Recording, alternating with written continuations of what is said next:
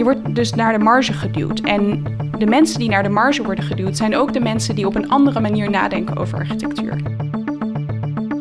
Kijken naar, oké, als we niet meer uitgaan van standaard man, vrouw, twee kinderen, het kerngezin, uh, wat is er dan wel en op wat voor manier kunnen we dan uh, bepaalde woningen ontwerpen? Dat is echt revolutionair. Dat je denkt, wow, we hoeven als feministen of zo, als we het anders willen doen, we hoeven niet het wiel helemaal opnieuw uit te vinden. Het is al gebeurd. Want er is al zoveel, wat we ook vaak dan dus helaas weer vergeten zijn. Ja. Um, ik denk dat ieder het recht heeft uh, om toegang te krijgen tot schoonheid. Wat hebben filosofie en architectuur met elkaar te maken? Veel, volgens onze gasten Setare Norani en Catherine Koekoek. Volgens hen kan architectuur een spiegel zijn van de samenleving. Wat bedoelen ze daarmee? Gaat architectuur niet om esthetiek en minder om moraal en politiek? Wat is sociaal ontwerp? Wat betekent het om design of architectuur te dekoloniseren? En wat doen we met niet-inclusieve ontwerpen die wel esthetische waarde hebben, zoals koloniale gebouwen? Welke voorstellen hebben Sitari en Catharine voor de toekomst van de architectuur? En wat leert de geschiedenis van de architectuur ons? En is het toeval dat deze vrouwen, beide architect van opleiding, heil zoeken in theater, kunst en filosofie? Setare Nourani is architect en onderzoeker bij het Nieuwe Instituut in Rotterdam. Ze ontwierp onder andere een expositie voor het Amsterdam Museum over het koloniale verleden en de expositie Abstracting Parallels voor het Stedelijk Museum samen met Jelmer Teunissen. Catharine Koekoek is filosofe en onderzoeker aan de Erasmus Universiteit Rotterdam. Samen met Veerle Alkemade maakt ze de podcast Respons. Je luistert naar Kluwen.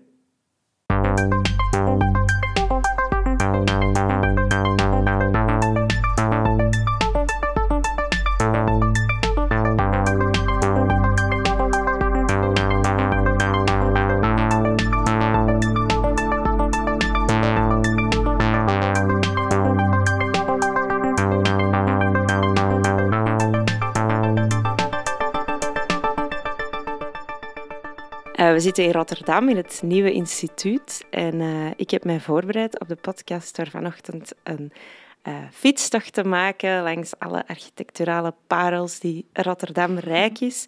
Uh, en ik denk dat Rotterdam een van de meest architecturaal diverse steden is die ik heb gezien. Dus je komt langs um, oude Nederlandse huisjes met bakstenen en luifels en daarnaast staat dan uh, een gigantisch spiegelglazen nieuw gebouw, heb ik gehoord.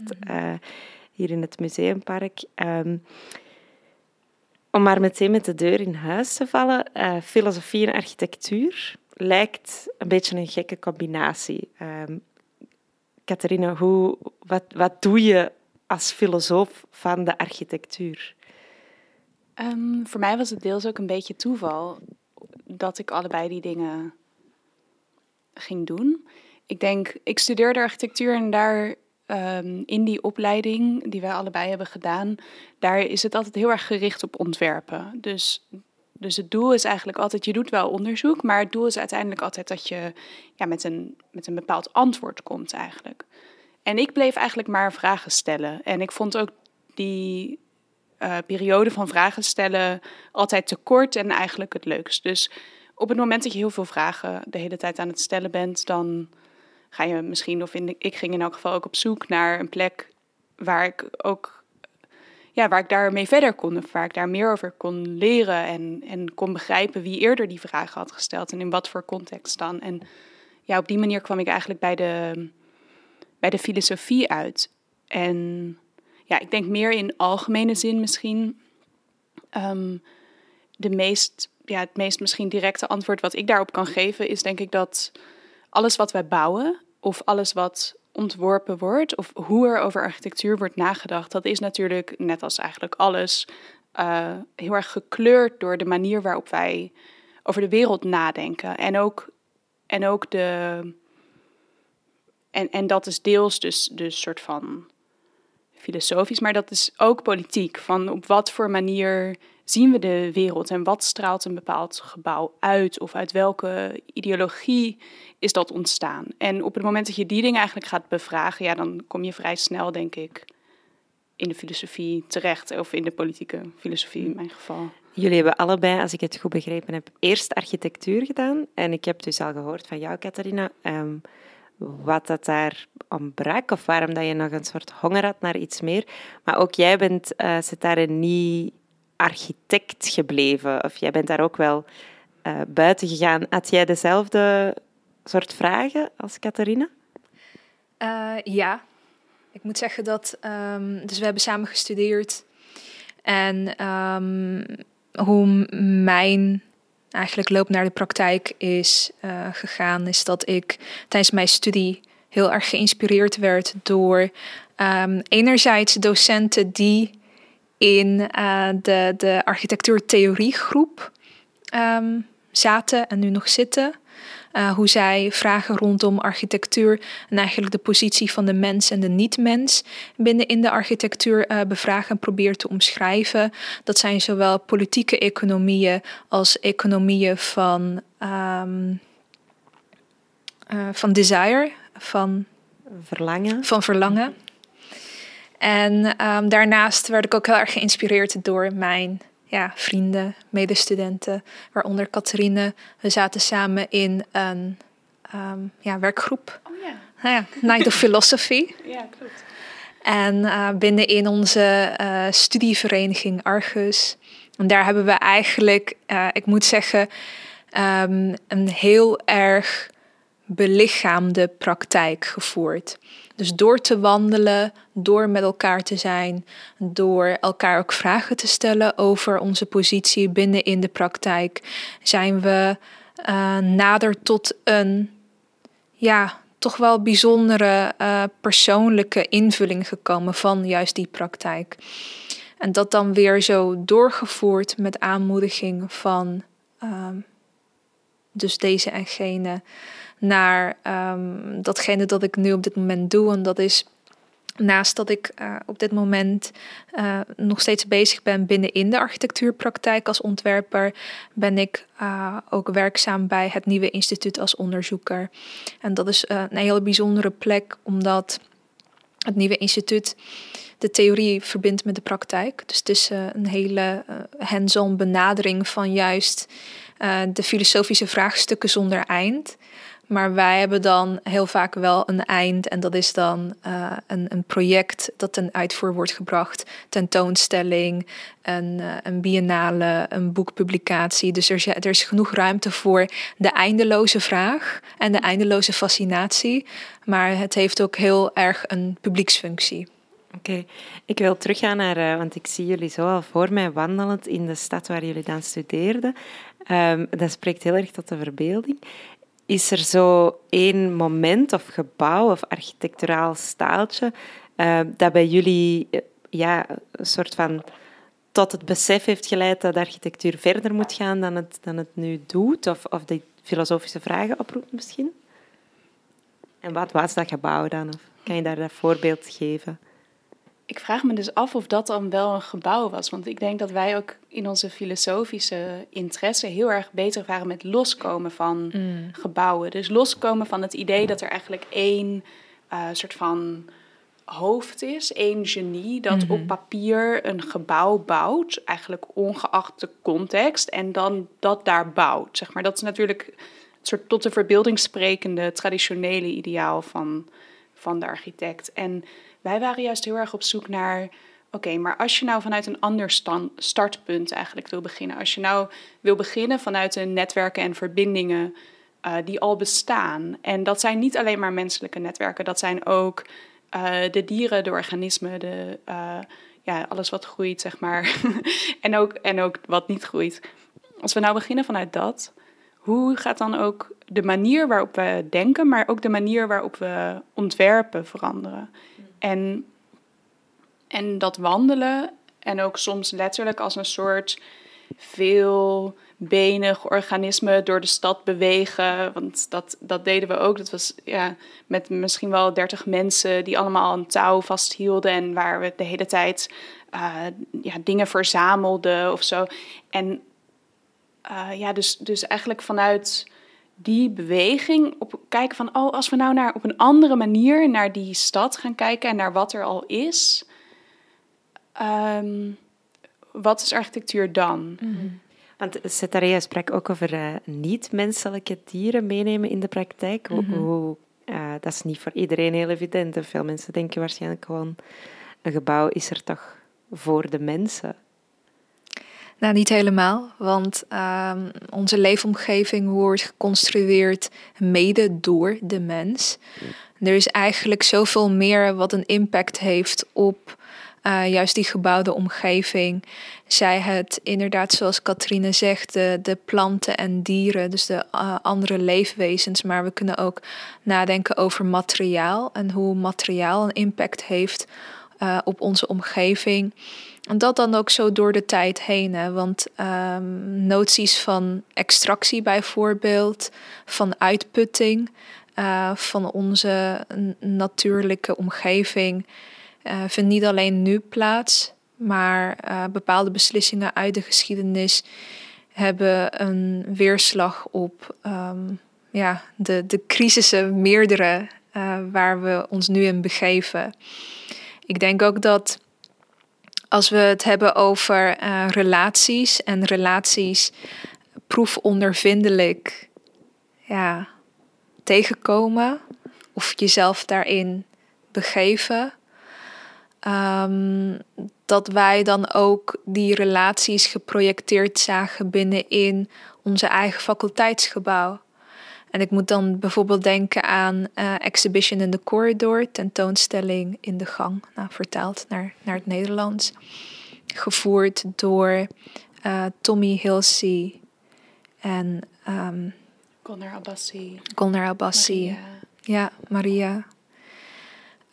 Um, die hebben eigenlijk, nou, zij en vele anderen met hun, Aska, Amy, uh, hebben, hebben werk nee. gemaakt. ja, ja, wij hebben werk gemaakt van uh, uh, die portrettenreeks in de gang. Van de, van de auteurs, wit, veelal man. Om daarachter te zoeken dat zij niet de enige zijn die tot ons voor. Die ons tot voorbeeld moeten worden voorgeschoteld, maar dat wij eigenlijk ons aan veel meer kunnen spiegelen dus in de faculteit bouwkunde is eigenlijk één een gang die van de afdeling architectuur is. En daar, ja, daar is een, uh, een portrettengalerij van een stuk of 80 portretten, waarvan, nou ja, uh, misschien 72 of zo op dat moment, het verschilt de hele een beetje, maar uh, witte mannen zijn. En die portretten die hangen heel hoog en die kijken ook letterlijk eigenlijk op je neer. Dus er zijn ook geen naambordjes. Dus het voelt een beetje van, ah, als je niet weet wie deze mensen zijn, dan, dan ligt dat aan jou. Want dit zijn jouw voorbeelden. Ja. En ja, dus in een van die dingen die we toen ook deden, was ja, dat bevragen. En kijken hoe, hoe gaan we, en daar ben jij denk ik eigenlijk nog steeds mee bezig van. En ik ook op een andere manier, maar, mm. maar jij veel explicieter binnen ook Collecting Otherwise. Van hoe gaan we eigenlijk om met die geschiedenis? En die geschiedenis is dus zowel materieel als ook in de, de culturele voorbeelden die wij hebben eigenlijk. En uh, hoe die, die geschiedenis, die, die bebouwde en ook uh, culturele geschiedenis, die is ongelijkwaardig. Die is, die is gebaseerd op onderdrukking in feite. En als we nou daar, daar moeten wij iets mee. Want dat, dat is wel wat ons heeft, zeg maar, ja, dat, dat is er, zeg maar. Ja. En als we dat nou erkennen, hoe, hoe kan je daar dan mee omgaan mm. zonder die onderdrukking um, eigenlijk nogmaals te reproduceren. te reproduceren? ja. En je spreekt over een historische realiteit die er dus is. En ben ik dan juist om te interpreteren dat je bedoelt dat architectuur vroeger een heel mannelijk beroep was? Oh, niet of, alleen vroeger hoor. Of, of nu? of zijn, misschien moet ik het zo vragen, zijn de meeste architecten mannen? Um, ja, nog steeds.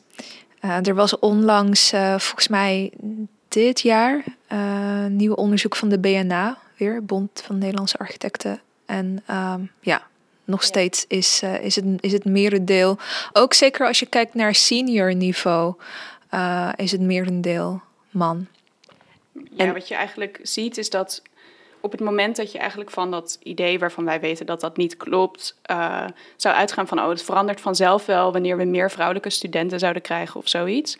Als je die logica zou volgen, nou dat, dat punt van ongeveer gelijke verdeling is ongeveer in de jaren tachtig bereikt. Dus er zijn toen ook, zeg van maar... studenten dan. Ja, van studenten. Dus, dus de afdeling vrouwenstudies heeft toen eigenlijk ook gezegd van... oh, het tij is gekeerd. Van, dat, dat was even een heel optimistisch nu moment. Nu komt de doorstroom en zal het zich wegtrekken in een professorschap. En ja, en als je dus die logica zou volgen... dan zou je nu eigenlijk um, echt een heel groot aandeel vrouwelijke partners van architectenbureaus moeten hebben. Dus die zouden eigenlijk allemaal nu op de top van hun carrière moeten zijn. Maar dat is gewoon niet zo. Dus het is, als je kijkt naar partners, partners, ik weet niet heel precies de cijfers, maar het is misschien 12% of zo. Zeg maar in de hele professie misschien 30. Volgens maar mij is het 17%. Oh, 17, oké. En dan hebben we uh, ook te maken met de leaky pipeline.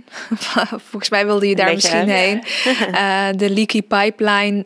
Um, dus de vraag gesteld door onder andere Hilde Heijnen en Lara Schrijver. En die kennen jullie uh, vast wel, denk ik, op, uh, op, op Belgische bodem zijn zij bezig. Um, de vraag waarom er op dit moment niet zoveel vrouwelijke seniors zijn, dat komt dus door die leaky pipeline, door vooringenomenheden binnenin de patriarchale samenleving, waardoor het de vrouw, of eigenlijk de niet-man, uh, structureel moeilijk wordt gemaakt om carrière te maken. Toch die keuze moeten maken voor bijvoorbeeld familie, uh, um, werktijden die niet helemaal. Uh, aansluiten op hoe uh, realiteit eruit ziet van een vrouw op een bepaalde leeftijd met een gezin. Um, als er dan ook um, bepaalde verwachtingen erbij uh, een rol spelen van oké, maar een vrouw moet zich op een bepaalde manier gedragen binnen in het beroepsveld, dan krijg je ook te maken met burn-out. Um, dus dat stapelt zich op en dan krijg je dat uiteindelijk in die harde kern van vrouwen die in de, tot de top behoren in de beroepspraktijk, dat daar eigenlijk niet zoveel vrouwen hmm. zijn. En dus ik hoor nu dat ene probleem, het probleem voor de vrouw, zeg maar, op, op niveau van er zijn minder vrouwen of er zijn minder voorbeelden voor vrouwen en de leaky pipeline. Maar ik vermoed dat jullie ook een mening hebben over wat het betekent voor de architectuur. Hmm. Dat er um, dat het merendeel dus man is. Denken jullie dat zich dat uit in de architectuur en hoe dan? Ja, dus um, ik ben in het nieuwe instituut uh, met heel veel andere collega's met mij uh, bezig, inderdaad, in het project Collecting Otherwise, om uh, gezicht en gehoor te geven aan gemarginaliseerde ja, archieven binnenin het kanon, of ja, datgene dat wij tussen aanhalingstekens kanon kunnen noemen, uh, van de architectuur. En de relevantie van vrouwen in architectuur is niet alleen maar dat zij er zijn, maar ook uh, datgene dat ze hebben nagelaten in ontwerp. Ze hebben uh, radicaal andere dingen voorgesteld, andere manieren van samenleven, uh, samenwerken, uh, woningbouwplattegronden die verschillen omdat zij vertrekken vanuit de notie dat ze, de, dat ze het kerngezin afwijzen.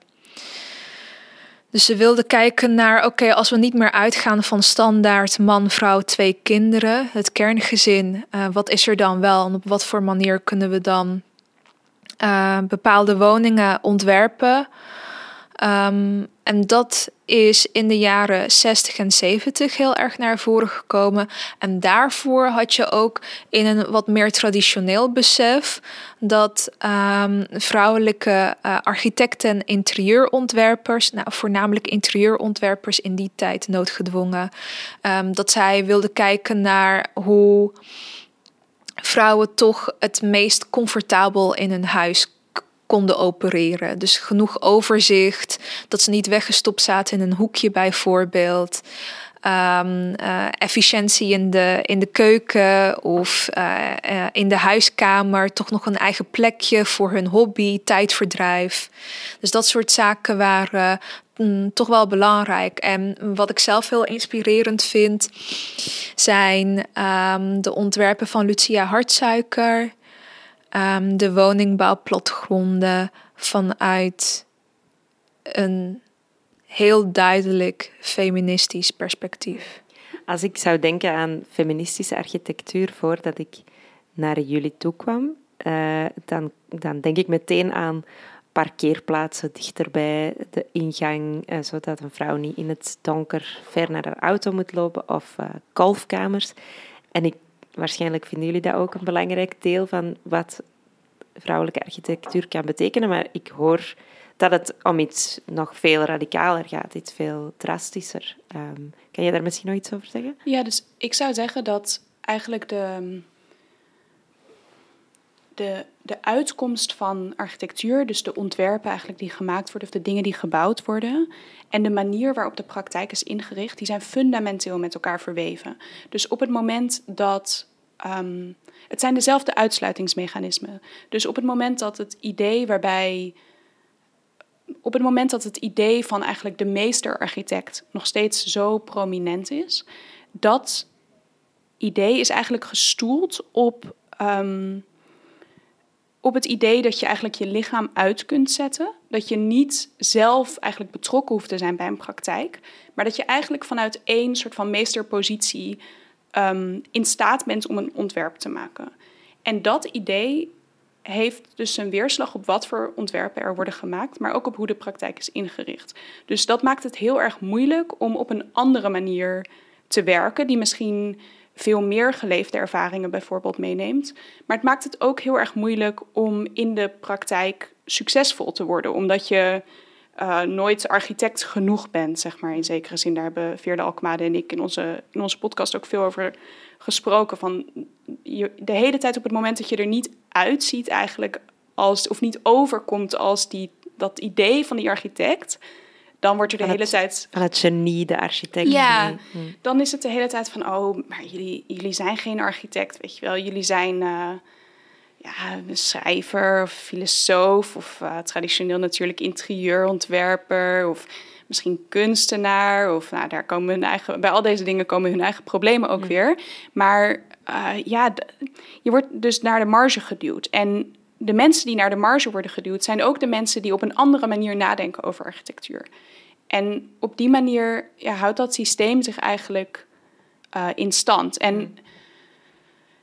En er zijn wel altijd ook alternatieve stemmen geweest. Dus dat vind ik ook eigenlijk zo revolutionair aan wat jullie met Collecting Otherwise doen. Bijvoorbeeld in de Kamer uh, over feministische ontwerpstrategieën. Hier in de tentoonstelling het ontwerp van het sociale. Um, die ook uh, gecureerd is door, of gecureerd of onderzocht door jou en Tabea Nixdorf.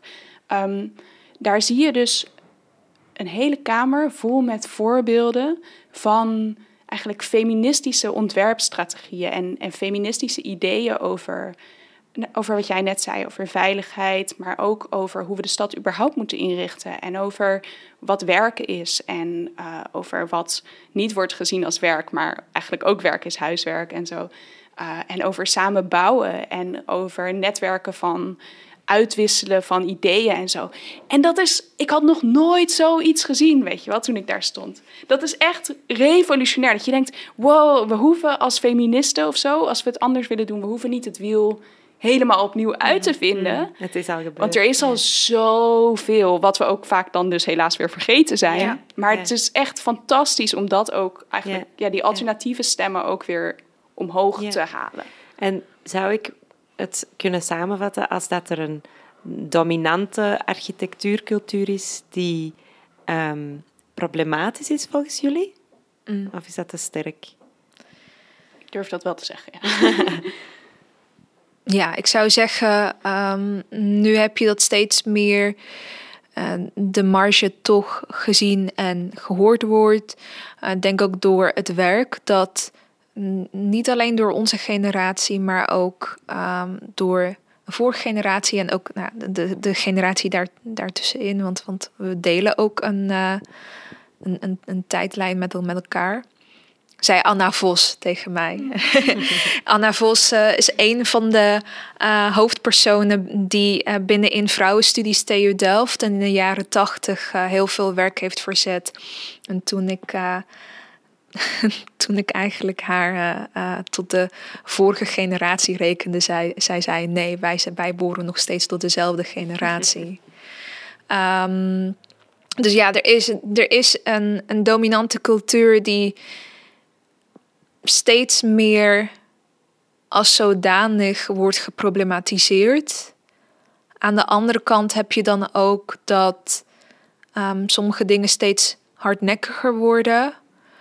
Um, dus de bewijslast komt toch altijd weer bij de marge te liggen om te bewijzen dat wij um, met de vele rollen die wij bekleden, weet je, het is niet zomaar dat um, uh, vrouwen bijvoorbeeld wel een directeurspositie hebben bij uh, een wooncoöperatie en dan commissiewerk doen en via, via dat soort commissiewerk um, heel veel hebben kunnen veranderd in de ruimtelijke ordening, maar dat dat niet wordt gezien als werk in, uh, in, in de gebouwde mm, omgeving. Mm. Terwijl niet dat als architect. Precies, niet als architect. Terwijl ik denk, architectuur is. Uh, wordt heel sterk mede mogelijk gemaakt door juist die stemmen, de lobby, het netwerk, mm. mm vrouwen Ehm, en ook mannen, feministen die op heel veel verschillende posities zich inzetten voor uh, gelijkwaardigheid. Hmm. Eén vraag die ik me kan voorstellen dat jullie kunnen krijgen, um, want we hebben het eigenlijk op, op een manier over een moralisering van architectuur, of in ieder geval sociaal ingebed zijn van vragen die je rond architectuur kan stellen. Um, is daar nog plaats voor esthetische waarde van de architectuur en op welke manier dan? Ja, die vraag krijg ik weet niet, krijg je die ook vaak? Ik krijg deze vaak, vraag wel vaak. Dat dacht ik bij het voorbereiden. Hmm. Nee, ik krijg het niet meer zo vaak. Oh, Verle en ik krijgen echt altijd de vraag van, oh, maar houden jullie nog wel van architectuur? Vinden jullie, weet je wel, hmm. zijn jullie nog wel geïnteresseerd in iets wat mooi is? Echt? Nee.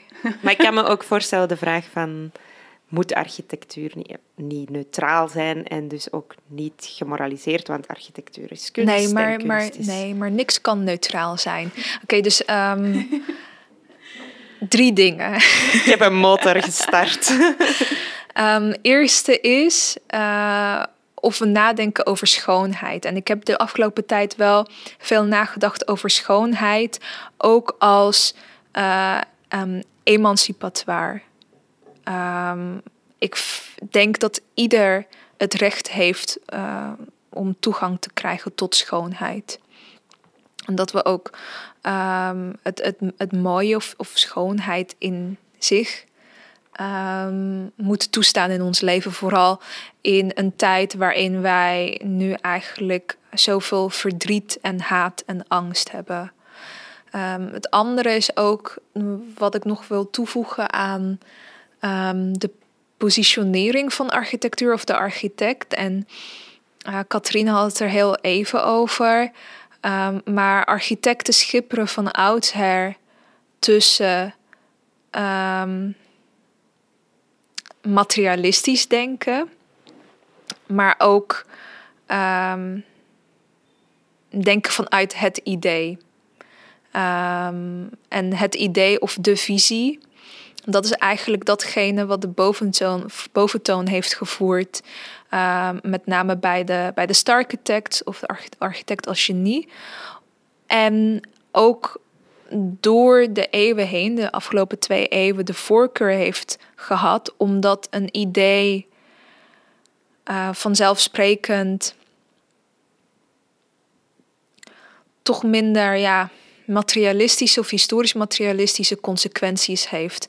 Want als je bijvoorbeeld nadenkt over het aangaan van een contract, of, een, of een architect als uh, voerder van hele complexe relaties. Die complexe relaties uh, vinden plaats in een echte materiële wereld om ons heen, waarbij wij relaties met elkaar uh, moeten uh, met elkaar moeten evalueren, uh, conflict moeten oplossen met elkaar. Eigenlijk hele vieze, laag bij de grond zaken.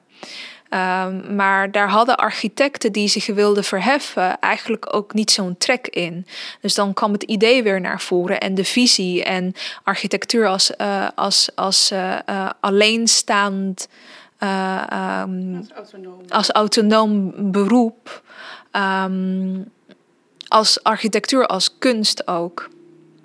En ik denk dat het teruggaan naar het denken vanuit het materiaal toch wel echt noodzakelijk is om ook te begrijpen wat wij hier proberen te doen. Um, ja. Past dat ook in, een, in de soort van vergroening van architectuur en het ecologischer maken van de architectuur? Mag ik dat in die context lezen, waar dat er ook meer gefocust wordt op materialen en duurzaamheid? Ja, architecten werken natuurlijk altijd met, met materialen, zeg maar, op het moment dat ze, dat ze bouwen. Maar ik denk dat, wat jij ook heel erg zegt, dat het ook het erkennen is van eigenlijk de modderige materiële situatie waarin je je begeeft. En dat betekent dus, dus ik denk zeker dat dat, wat jij zegt, dat dat het ook kan betekenen. Maar ik denk dat het in bredere zin eigenlijk betekent, wat is de context en ook de de politiek-economische context waarin wij ons bevinden. Dus op het moment dat je werkt voor een, ehm, nou ja, bijvoorbeeld een autoritaire staat, of op het moment dat je werkt voor een privébedrijf, um, een, een, zeg maar, wat, wat de meeste architecten eigenlijk continu doen, hè, zeg maar gewoon het, het ontwikkelen van woningen voor een uh, commerciële ontwikkelaar bijvoorbeeld. Ehm, dan in die context is het heel prettig om jezelf te profileren als een, als een autonome kunst eigenlijk. Omdat je dan hmm. eigenlijk kan die, het ontwerp bijna los kan zien hmm. van de uh, situatie waarin je werkt. Hmm. En ik denk dat wij er ook voor pleiten dat dat niet kan. Dus dat het. Ehm, dat, dat doen we denk ik vanuit verschillende perspectieven ook. Maar ook om te zeggen, je moet rekenschap geven van die omgeving waarin jij werkt en die het mogelijk maakt om voor jou te werken. Mm. En op het moment dat jij zegt dat, jouw, dat jouw uh, architectuur um, bijvoorbeeld um, samenleving mogelijk maakt of zo, of ontmoeting, of uh, nou ja, wat er ook gezegd wordt.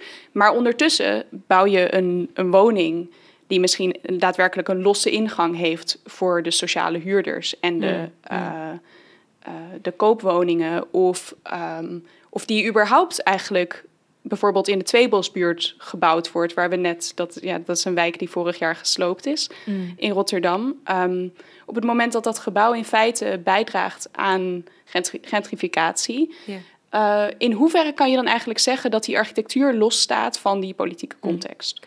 En denk je dan dat we het als architecten of in de architectuur uh, ook altijd over dingen als woonbeleid moeten hebben? Komt dat daar allemaal bij? Oh, absoluut. Ik denk ook dat uh, heel veel van de frustratie van de architecten nu op dit moment, dat zij vinden dat ze geen uh, plek meer hebben aan, aan tafel waar de daadwerkelijk zaken worden besproken die gaan over wonen of woonbeleid in Nederland, is omdat ik denk dat die profilering van architect als visionair of uh, binnenin uh, de ruimte van het idee, dat dat steeds meer en meer los is gaan staan van de materiële werkelijkheid. En de materiële werkelijkheid op dit moment wordt gevormd door kapitaal. Eigenlijk niet alleen op dit moment, al sinds het begin van kapitalisme. um, Dus als we het hebben over hoe architecten ook worden ingezet om juist een façade te creëren of een, een uh, goede beredenering voor uh, de voortvloeiing van kapitaal, dan moeten we denk ik als uh, architecten, als beroepspraktijk, moeten we ook heel erg bewust zijn van onze positie en onze um, leverage. Ja, de onderhandelingspositie. Ja, precies, daarin.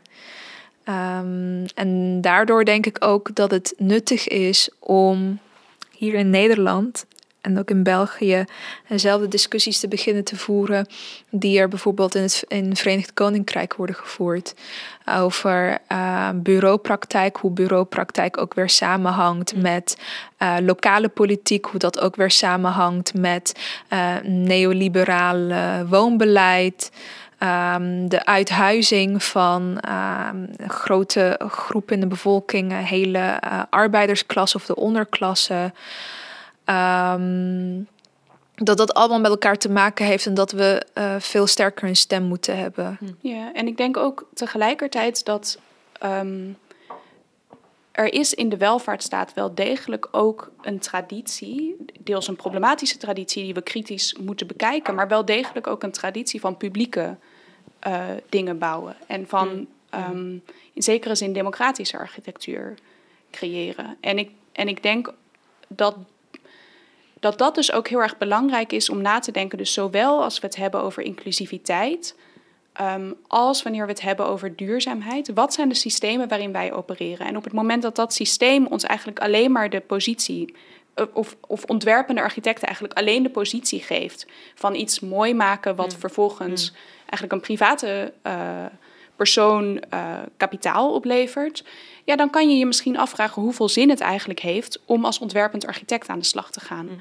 Maar op het moment dat je in een context kan werken waarin uh, dat ten goede komt van een democratische samenleving, dat is lastig op dit moment, want die, zeg maar, de welvaartsstaat is redelijk uitgekleed in de afgelopen 30 jaar.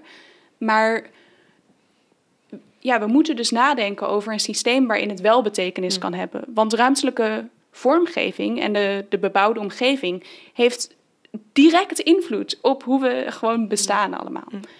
Een gemene vraag, maar is dat niet te veel eisend van de individuele architect? Ik bedoel, ik denk nu na voor architecten die opdrachten krijgen van particulieren of van bouwheren en uh, ja, nemen ze dan een job aan of staan ze er kritisch tegenover?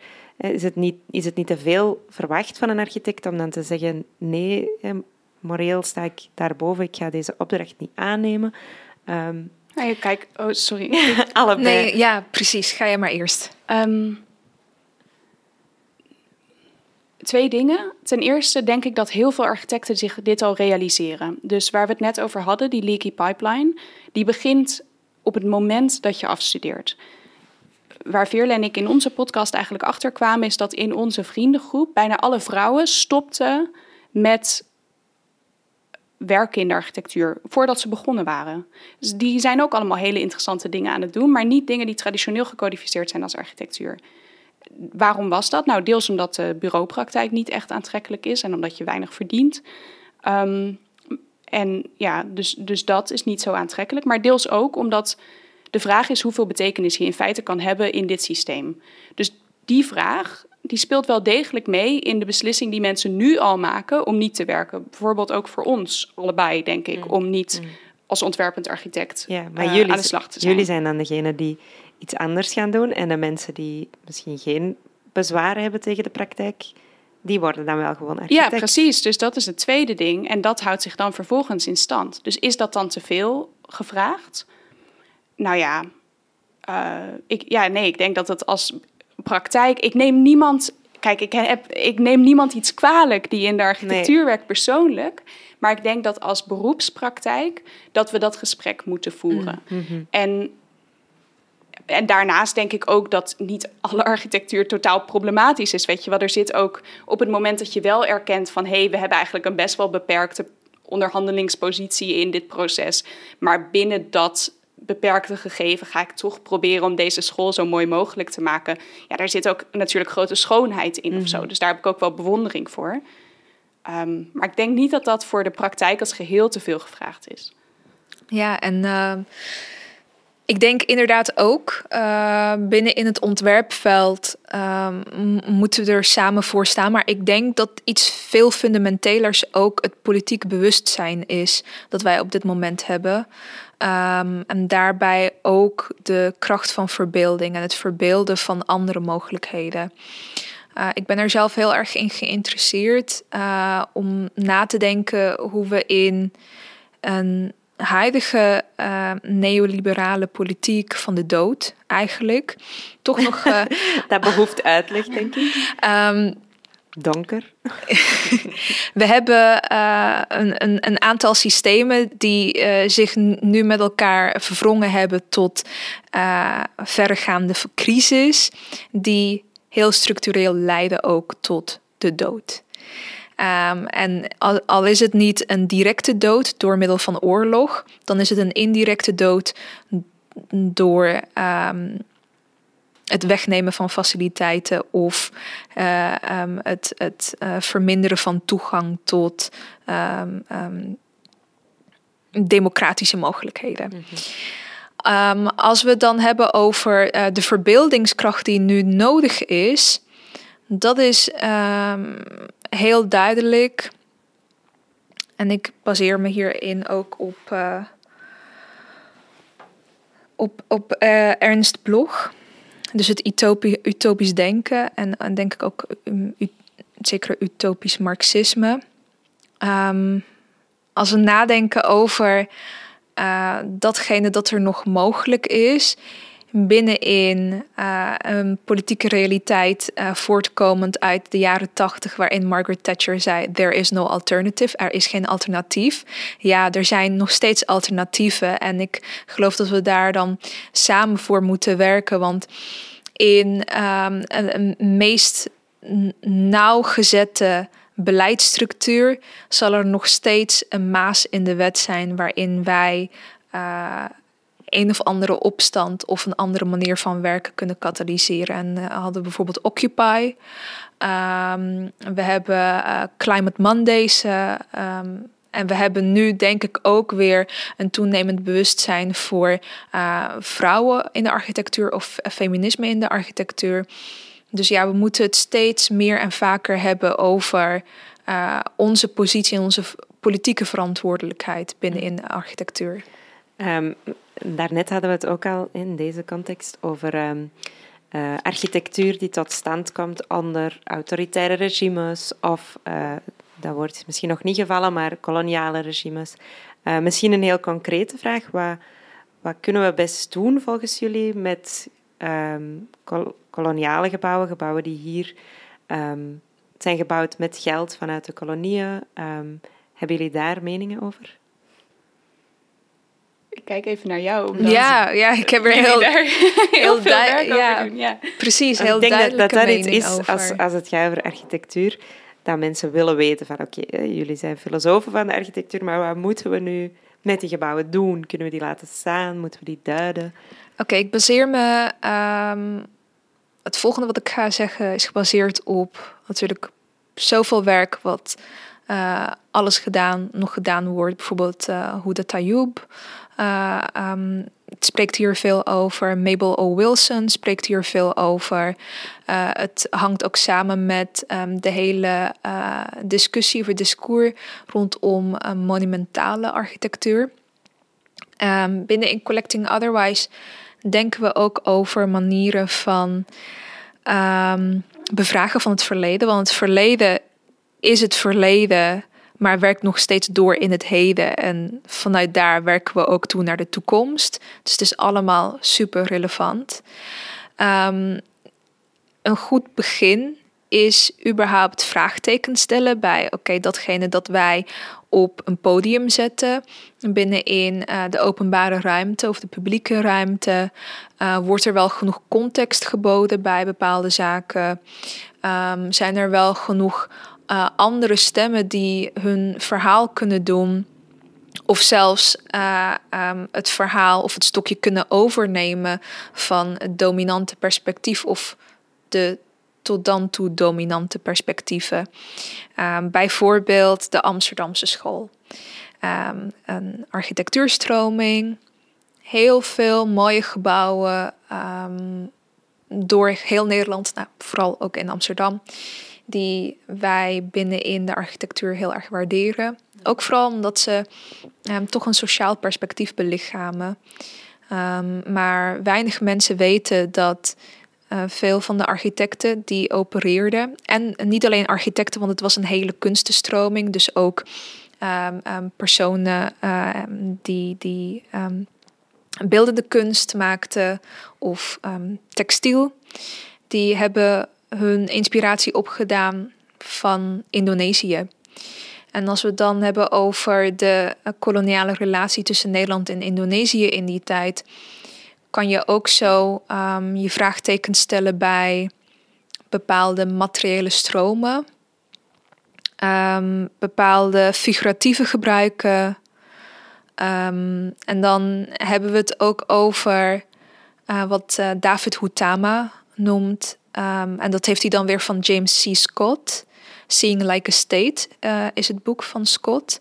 Eh, miniaturization, dus het verkleinen of het maken van typologieën.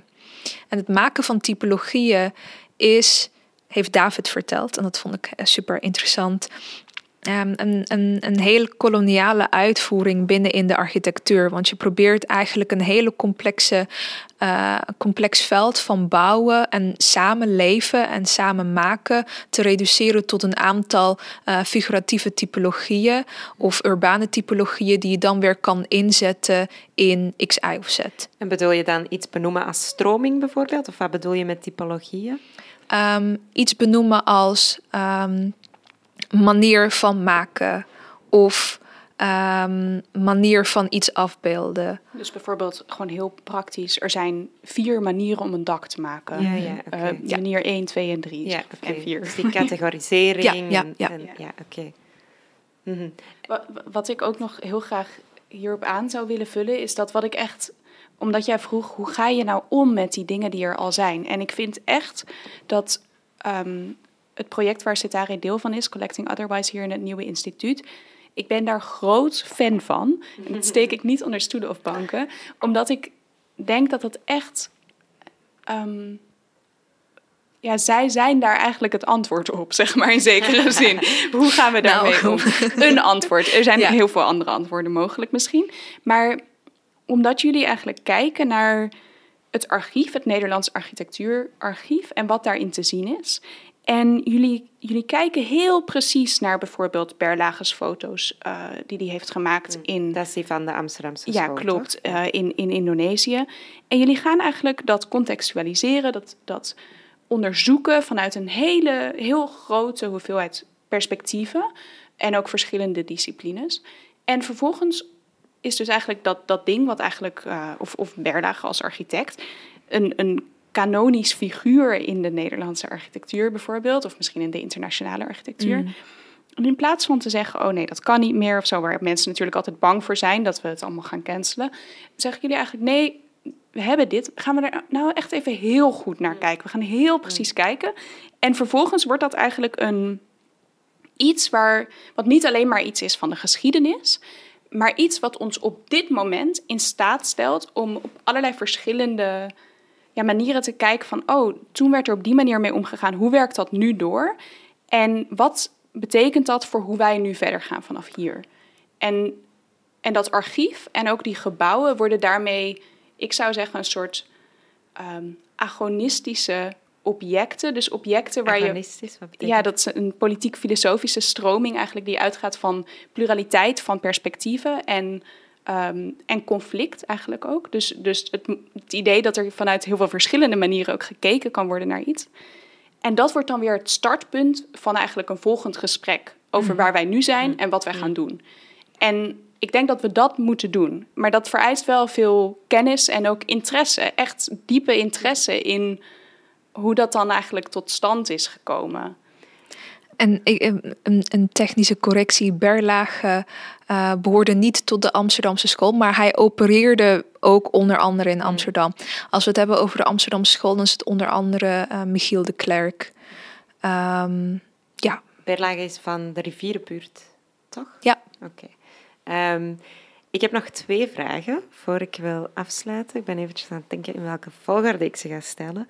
Um, ja, een eerste vraag. Dus ik heb jullie natuurlijk gegoogeld op voorhand. En ik merkte dat jullie allebei naast jullie uh, onderzoekende kant, dus uh, in de architectuur en in het theoretische, uh, eigenlijk ook tamelijk actief zijn in iets fysiek of in iets betrokken. Dus jij doet je bent betrokken bij het Rotterdamse Buurtheater of Ja, iets in theater. Ja. Rotterdams Wijktheater. Rotterdams Wijktheater. En ik heb gevonden dat jij ook kunstenaar bent. Ehm, denken jullie dat dat toeval is dat jullie allebei ook die, die kant exploreren?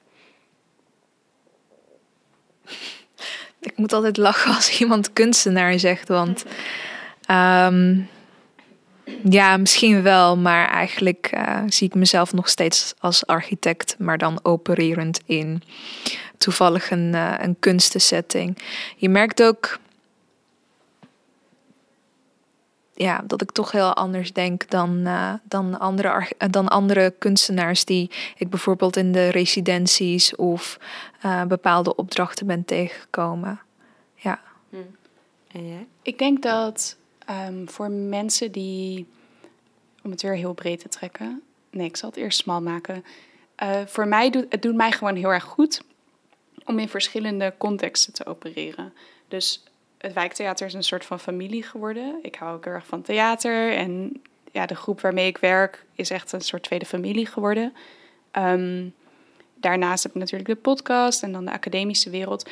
En eigenlijk al die omgevingen, en dan met name de meer institutionele omgevingen, zoals bijvoorbeeld de academische wereld, eh, zijn gewoon niet altijd hele verwelkomende plekken voor Hmm. jonge vrouwen of misschien voor wie dan ook. nou ja, Eh, dus het is ook, het houdt mij gezond. Ehm, en ook gelukkig en geïnspireerd om ook op verschillende plekken te zijn en daar ook waar andere normen opereren. En ja, dus om dat ook af te wisselen. En ik heb gezien om mij heen dat heel veel van mijn vriendinnen die dat eigenlijk doen. Dus dat veel mensen die ergens tegenaan lopen binnen een bepaalde plek, die, ja, die diversificeren eigenlijk waar ze zich mee bezighouden. Zodat je ja, daar. Ja, Ja, en dan om sane te blijven eigenlijk in die zin van het woord gezond ook. Om te kunnen de praktijk elders ook Ja, om het ook vol te houden eigenlijk. ja. En, en om het niet alleen vol te houden van, oh, dit is een zware last eh, die we, maar om het leuk te maken Ja, ook. En om geïnspireerd te blijven en om niet en om er dus niet aan onderdoor Mhm. te gaan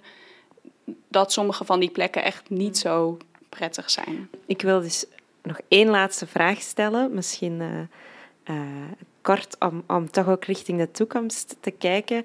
Ehm, en het is misschien een beetje een, een, een koloniale vraag in het licht van wat we net hebben besproken. Want ik ga jullie vragen om iets in categorieën te steken. Mm. Ehm, maar ik zou willen weten wat nu één voorbeeld is eh, van architectuur die geslaagd is voor jullie. Wat is jullie lievelingsgebouw? of eh, misschien moeten we het niet zo nauw als gebouwen zien, maar architecturale praktijk. Oh my god, het is echt zo moeilijk. Hebben jullie hier nog nooit over nagedacht? Ja, tuurlijk, wel continu. Ja, de hele tijd, maar Het is moeilijk om één ding te benoemen. Er zijn nog steeds. Ik was bijvoorbeeld laatst in Helsinki. En daar was ik tien jaar geleden ook geweest voordat ik eh, architectuur ging studeren. En nu was ik er weer. En toen ik daar eigenlijk heen ging voordat ik architectuur studeerde, dus ik was zo'n 16 of zo, ehm, toen was ik echt zo diep onder de indruk van het gebouw van Stephen Hall Kiasma. Echt diep onder de indruk. Dat had echt ik dacht echt, wauw, dit wil ik ook doen. En het was echt heel erg bijzonder om na tien jaar eigenlijk daar weer terug te komen. Niet omdat dat nog steeds architectuur is die ik zou willen maken, maar, ehm, maar omdat ik nu eigenlijk met veel meer gelaagde kennis nog steeds, de- ja, misschien het Mm. vakmanschap of zo kan zien en, en ook weer andere dingen zie. En ook, ik kan nog steeds zien wat ik toen zag, maar, maar kijk er nu heel anders naar. En dus het geeft, ik hou echt heel erg van architectuur nog steeds, ook omdat het me een manier van kijken heeft gegeven, die schoonheid ziet in allerlei details. En, maar ik vind het moeilijk om één gebouw te noemen waarbij ik zeg, oh, daar komt alles samen en dat is perfect. Want, want dat is een continue zoektocht naar, naar voorbeelden ook. Er zijn heel veel voorbeelden, maar, maar als je kijkt naar praktijken op dit moment, ja, dat is echt toch ook wel heel moeilijk. ik denk, oké, dus ehm, ik ben best wel een fan van eh, Team 10. En Team 10 nou, was een groep architecten die zich eigenlijk afzetten tegen Siam. En um, een van die architecten was Aldo van Eyck. En ik vind de gebouwen van, van Aldo van Eyck um, ja, toch echt waanzinnig mooi in de manier waarop ze beweging en interactie en manieren van kijken, uh, manieren van gebruiken stimuleren. Um, laatst uh, kwam ik in aanraking met uh, de gebouwen van Giancarlo De Carlo. Ook een lid van Team 10. Um, ehm, en ik ben heel erg benieuwd. Ik zou heel graag zijn werk in Italië willen zien. En als we het dan hebben over iets wat niet architectuur is, maar toch wel architectuur is. Als we dan um, uh, Celestial Vault hebben van Turrell bij Scheveningen hier in Den Haag. En uh, de manier waarop je uh, een trap op moet lopen. En dan echt bewijs van spreken voorbereid wordt. Dat heb je trouwens ook in de gebouwen van Aldo van Eyck. Voorbereid wordt op een ervaring, op een manier van zijn. Um, en ook op een ja, verhoogd bewustzijn op een of andere manier. En dan ga je daarin en dan heb je eigenlijk dat oog, dus de, de volt. En um, het verandert ook altijd. Dus overdag heb je weer een andere ervaring dan s'nachts. En s'nachts is het eigenlijk, uh, vind ik het super mooist. Want dan um, is het stil en dan kan je de sterren zien. En dan kan je in die kom liggen. Hmm. En uh, die kom versterkt ook weer het geluid. Ja, ik weet niet, ik vind het super okay. fantastisch. Allemaal naar de Celestial Void in Scheveningen. Ja. Je luisterde naar Kluwen Bedankt aan Citare en Catharine en aan Anne Lucassen voor het beeld. De volgende keer gaan we het hebben over solidariteit, activisme en onderwijs. Tot dan!